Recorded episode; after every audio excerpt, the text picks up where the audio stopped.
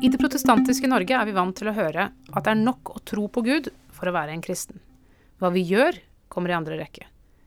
Men i Jakobs brev kan vi lese et helt annet budskap. Du lytter til podkasten Dokka fra Vårt Land. Mitt navn er Åste Dokka. Dagens episode er en av en liten serie med korte spesialepisoder.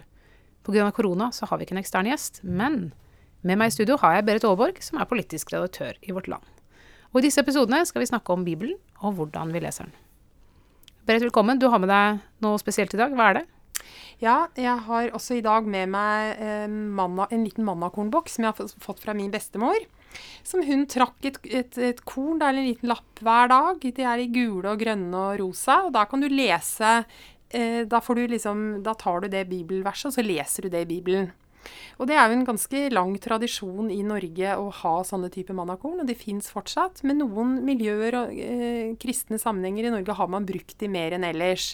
Og jeg tror min mormor syntes det var praktisk, for da slapp hun å gjøre noe annet enn at hun kunne trekke en lapp, og så leste hun et ord. Um, så det er, det er eh, en, en, interessant og litt uh, fin tradisjon i Norge på mange måter. Og så kan man jo stille spørsmålstegn om det er måten å lese Bibelen på. Det har vi, det har vi også snakka om i en tidligere podkast. Men nå skal jeg altså trekke et mannakorn, så skal mm. vi mhm. lese et bibelsitat.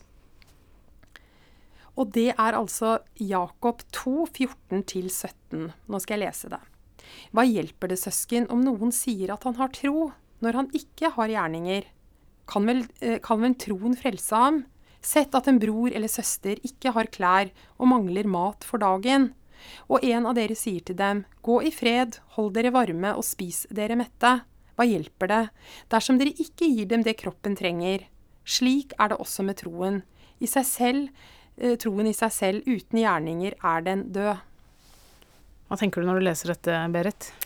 Jeg tenker at det er et veldig eh, sterkt bibelsitat. Det er et bibelsitat som eh, legger veldig ansvar oss, på oss for de fattige.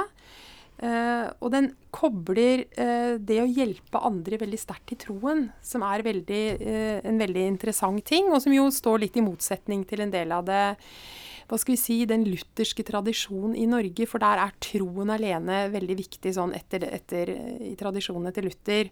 Mens dette går jo en litt annen retning og sier at dersom man ikke hjelper eh, de fattige og gjør ting for andre, så er troen død. Altså en mye tettere kobling mellom disse to. Uh, og jeg tror at vi kan ha mye å, å, lære av det i vår lutherske tradisjon, rett og slett. Fordi det er noe som kanskje er gått litt sånn um, på en måte litt tapt, da etter Luther. Um, ja, og Så viser det også en omsorg for kroppen og kroppens behov, uh, og viktigheten av det. Det er ikke bare sjelen det handler om, det handler om å være mett og varm også. Ja, det handler om å være mett, og det handler om å vise omsorg rett og slett for andre. Vi kan si noen ting om dette Jakobsbrevet. Det, det er skrevet som et brev til flere menigheter. Et uh, generelt brev, som det kalles. Og det er kort. Det er bare et par sider hvis man slår opp i Bibelen. Fem, fem kapitler. Vi vet ikke helt hvem han var som skrev det, eh, og når det ble skrevet, men antagelig eh, er det rundt år 90. Eh, og det er altså en tid eh, med utfordringer og forfølgelse for de kristne, og undertrykkelse. Eh, og også da absolutt fattigdom. Eh, det var store stridigheter i, første, første, de første kristne kirkene. spesielt utad fra, eller ut, utenfra. Eh, og løsninga for Jakob, det er jo bl.a. Eh, livsførsel. Man må, man må prøve å, å, holde motet oppe, man må være utholdende, og man må leve rett. Eh, i, I dette brevet så er det mye advarsler mot rikdom osv. Eh, og det er mye fint her, spesielt i forholdet mellom rik og fattig. Ja, og det som er interessant for de som har Det er jo laga en egen såkalt fattigdomsbibel. Altså noen som har tatt seg jobben med å streke ut i gult alt som står om fattige vårt ansvar for fattige. Og det er, veldig, altså, det er, en av de tingene som virkelig er slående gjennom veldig store deler av Bibelen. Men i Jakobs brev er det veldig mye gult, for her er det veldig stort fokus på det. Det har jeg lagt merke til når jeg har lest Jakobs brev.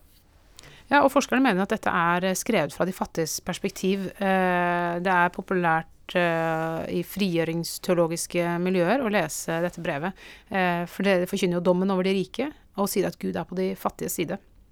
Og hvis man lurer på hva denne boka handler om, hva dette brevet handler om, så kan man bare lese fra vers to eh, i det første kapitlet. Der står det Se det bare som en glede, søsken, når dere møter alle slags prøvelser. For dere vet at når troen blir prøvet, skaper det utholdenhet. Men utholdenheten må føre til fullkommen gjerning, så dere kan være fullkomne og hele uten noen mangel. Og dette brevet har det faktisk alltid vært strid rundt. Um, både når det gjelder uh, bruken av det, hvem som skrev det, uh, hva slags status det skal ha, om det skal være en del av kanaen. Og det skal vi komme til nå, for du nevnte Luther i stad. Ja, Luther var jo egentlig ganske kritisk til Jakobs brev, og han stilte jo også et slags spørsmålstegn med om dette skulle være en del av det såkalte kanon, eller altså det som blir stående igjen. For det er mange tekster som ikke har fått plass i, i Bibelen, sånn som vi kjenner den. Og han mente at det var Han antyda vel at dette var en slags vranglære, at, at, tro, at på en måte frelsen var avhengig også av handlinger. Han var veldig opptatt av det som vi alle kjenner veldig godt. At um, at det er troen alene som, som fører til frelse.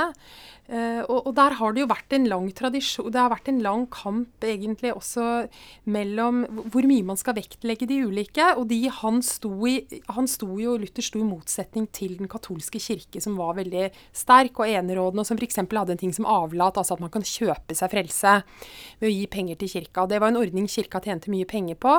Og det, det var en slags fase der hvor kirka Det var jo Jeg tror veldig mange vil si at det hadde et element av forfall i seg. At man kunne liksom kjøpe seg fri, kjøpe seg frelse. Og dette reagerte han veldig på. Så når han er så veldig tydelig på at det er troen alene, så må vi også se det inn i den samtida han faktisk levde i, der hvor man kunne kjøpe avlat, der hvor kirka hadde den rollen.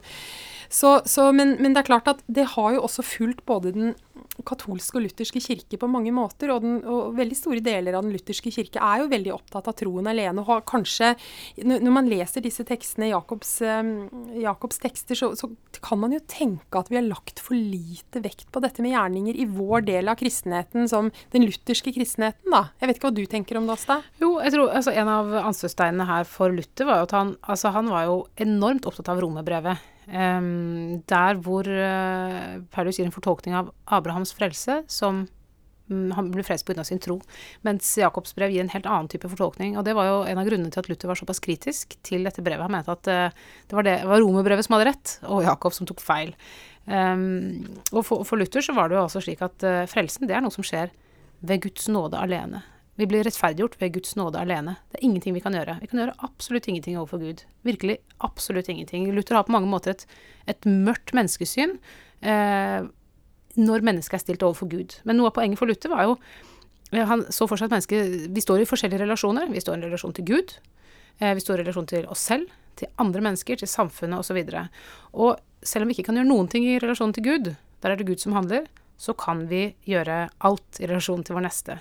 Og han mente jo det at når mennesket kunne settes fri fra å, å bygge sin egen frelse, slik som han oppfatta at eh, den katolske kirke forkynte, så var man også fri til å tjene sin neste. Så mm. Luther var veldig opptatt av etikk. Han var veldig opptatt av gjerninger. Men for han handler det om en rekkefølge.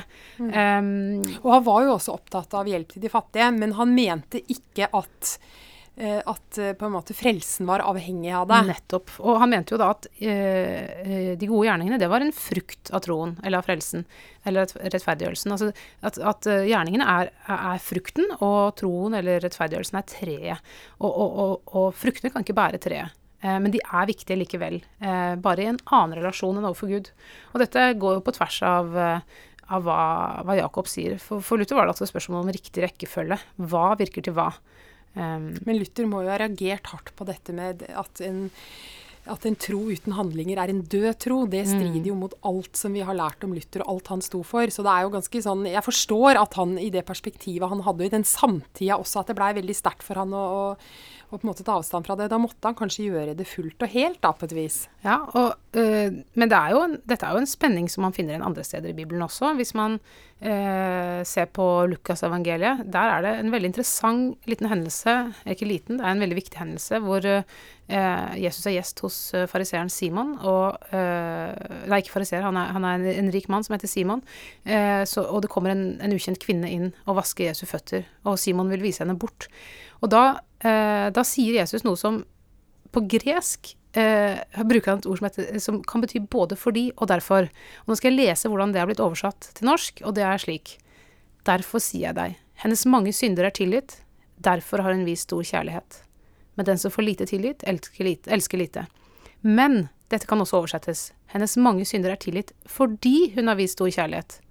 Altså spørsmålet er, er det Så Hva- her har du altså en, en, Ja. en, Her har du en variant eh, som på en måte Luther grep fatt i, og så har du en slags Jakob-variant eh, som du kan velge, egentlig. Ja, her, og, og, og, og her måtte jo på en måte Bibelselskapet gjøre et valg. Skal vi oversette dette som at eh, hun, hun har blitt tilgitt, og derfor viser hun stor kjærlighet, eller at hun viser stor kjærlighet fordi eh, Altså omvendt. At, eh, at tilgivelsen kommer av hennes store kjærlighet. Så, så hva som bevirker hva, det er et, eh, et spørsmål Et åpent spørsmål. Et åpent spørsmål i Bibelen, ikke bare i Jakobs brev. Hva kommer først, frelsen eller kjærligheten? Altså frelsen eller gjerningen, troen eller gjerningene. Um, og dette er også en strid eh, i større deler av kirkehistorien enn kun mellom luthersk og katolsk uh, middelalderteologi. Fordi eh, sånn som Augustin Altså Luther var augustinermunk, og han er jo veldig tydelig inspirert av Augustin. Eh, og Augustin sto i en lang strid med den irske munken Pelagius. Og han mente at mennesket kan ta et steg mot frelse selv, mens eh, Augustin mente det kan mennesket ikke. Det er kun Gud som handler. Men, men det går vel an å si at eh, nå, i, i litt moderne tid, vår tid, så er det vel Kan man ikke si at man har nærma seg litt mellom den katolske og den lutherske kirke i synet på dette? At man har litt større hva skal vi si, raushet for den andre synet? At man, fin, at man har et eh, mer et sånn skjæringspunkt mellom at folk ligger litt imellom begge, i begge, begge kirkene? Jo, det, det kom jo for en eh, 10-20 år siden en fellesuttalelse eh, fra eh, Det lutherske verdensforbund og kanskje flere protestantiske kirker og den katolske kirke, hvor man liksom ble enige om hva som fører til frelse og rettferdiggjørelse. Eh, og det kan godt hende at de ulike kirkesamfunnene legger ulike ting inn i akkurat de setningene som de lander på, men jeg tror du har helt rett i at her har det skjedd veldig mye siden eh, reformasjonstida. Eh, både i katolsk og luthersk eh, sammenheng. Men du Åste, er det lov å si som lytter, å være kritisk til f.eks. det å ha at Jakobsbrevet skal være inne i kanon? At han er kritisk til det? Hva, hva, hva tenker du om det? Altså, jeg syns det er spennende fordi eh, vi er jo eh, flaska opp på mange måter en veldig sånn sterk bibeltradisjon, hvor Bibelen er Bibelen, punktum. Og den må du bare ta som en helhet. Og det, at, og, og, sant? og det, det jo, har jo også å gjøre med Luthers teologi. Eh, et av Luthers mange alene er jo Skriften alene. Men at eh, Luther da eh, faktisk på en måte oppløser noe av den autoriteten når han sier at Skriften alene Ja, men kanskje ikke akkurat dette. Det syns jeg er et sånn veldig interessant teologisk ting. Eh, fordi, fordi det sier noe om at den autoriteten som Luther finner i Bibelen, den er ikke formell. Den handler ikke om permene rundt, den handler om innholdet. Og det er innholdet som bestemmer eh, hva som er eh, riktig, hva, hva som blir kanon, da, og hva som bør være kanon. Eh, og jeg tenker eh, vi må for all del ikke ta ut noe av Bibelen. Vi må heller lese den med en større bevissthet om at det bibelske materialet er ganske variert. Eh, og at Og ha mange motsigelser i seg. Nettopp. Eh, og hvis man skal liksom inn og rense ut alt som kanskje kan være selvmotsigende i Bibelen, så blir den jo ganske fattig til slutt. Da blir den et, eh, en sang med én tone istedenfor Mm. en, eh, en, en stor harmoni. Eh, så jeg tenker at i bunnen så må vi forstå at kristendommen er mangfoldig. Og selv om jeg er en luthersk kristen som absolutt eh, ikke kommer til å bli katolikk, eh, og, og, og stå for den teologien, så tenker jeg at det er én teologi. Det er én mulig teologi. Ut fra, eh, og det er mange andre måter å tenke på som også er mulige, og som også kan være gyldige. Eh, og som har, eh, som har forankring i Bibelen, da. Absolutt. Og disse, det, det, det har vi snakka litt om, men, men disse uenighetene har jo vært helt fra den første tida i kirka. Altså det har aldri vært enighet om alt. Man har lest det forskjellig, forstått det forskjellig, og hatt forskjellige typer kirkesamfunn eh, etter hvert. Eh, nettopp fordi at man har tolka det som har stått i Bibelen forskjellig, og fordi det er faktisk, som du var inne på i den teksten i stad, det er flere forskjellige tolkningsmuligheter, og det er jo, det er jo interessant. Det er det. Og eh, det er jo heller ikke gitt at romerbrevet skal ha forrang framfor Jakobs brev. Selv om jeg må si romerbrevet, det bør folk lese, for det er helt fantastisk. Det er som en sånn sitatmaskin, hele greia. Eh, og jeg skjønner godt at eh, Luther ble betatt av, eh, av det. Men det sier også noe om at han hadde en inngang som var formet av sin egen lesning, eh, hvor han satte ett skrift eh, veldig høyt, og lot det farge lesninga av de andre skriftene. Man kunne like godt gjort omvendt. Man kunne like godt sagt nei, det er Jakobs brev som er prisme som alt andre brytes gjennom. Og da må jeg bare si, når du, når du reklamerer litt for romerbrevet, så må jeg bare si jeg vil reklamere litt for Jakobs brev, for jeg syns det er en fantastisk del av Bibelen. Det åpna mine øyne, og jeg på mange måter, og jeg syns det det det er et veldig godt supplement til mye annet i Bibelen. Eh, man ser det på en litt annen måte. Så jeg, jeg, vil absolutt anbefale mange å lese seg gjennom. Det er som du sier, en kort tekst, men den er absolutt noe man kan eh, lese og meditere over i forhold til vår livsstil og hvordan vi lever i vår del av verden.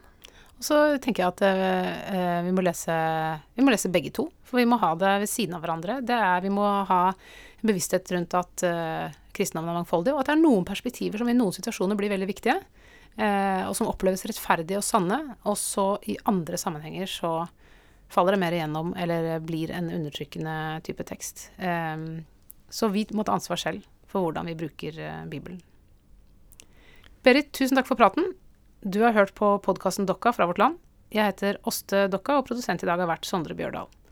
Og vet du hva, du kan abonnere på Vårt Land digitalt for bare 10 kroner for 100 dager. Les mer om vilkårene på vl.no tilbud, og den lenka ligger også i beskrivelsen av denne podkastepisoden på spilleren din. Ha en fin dag.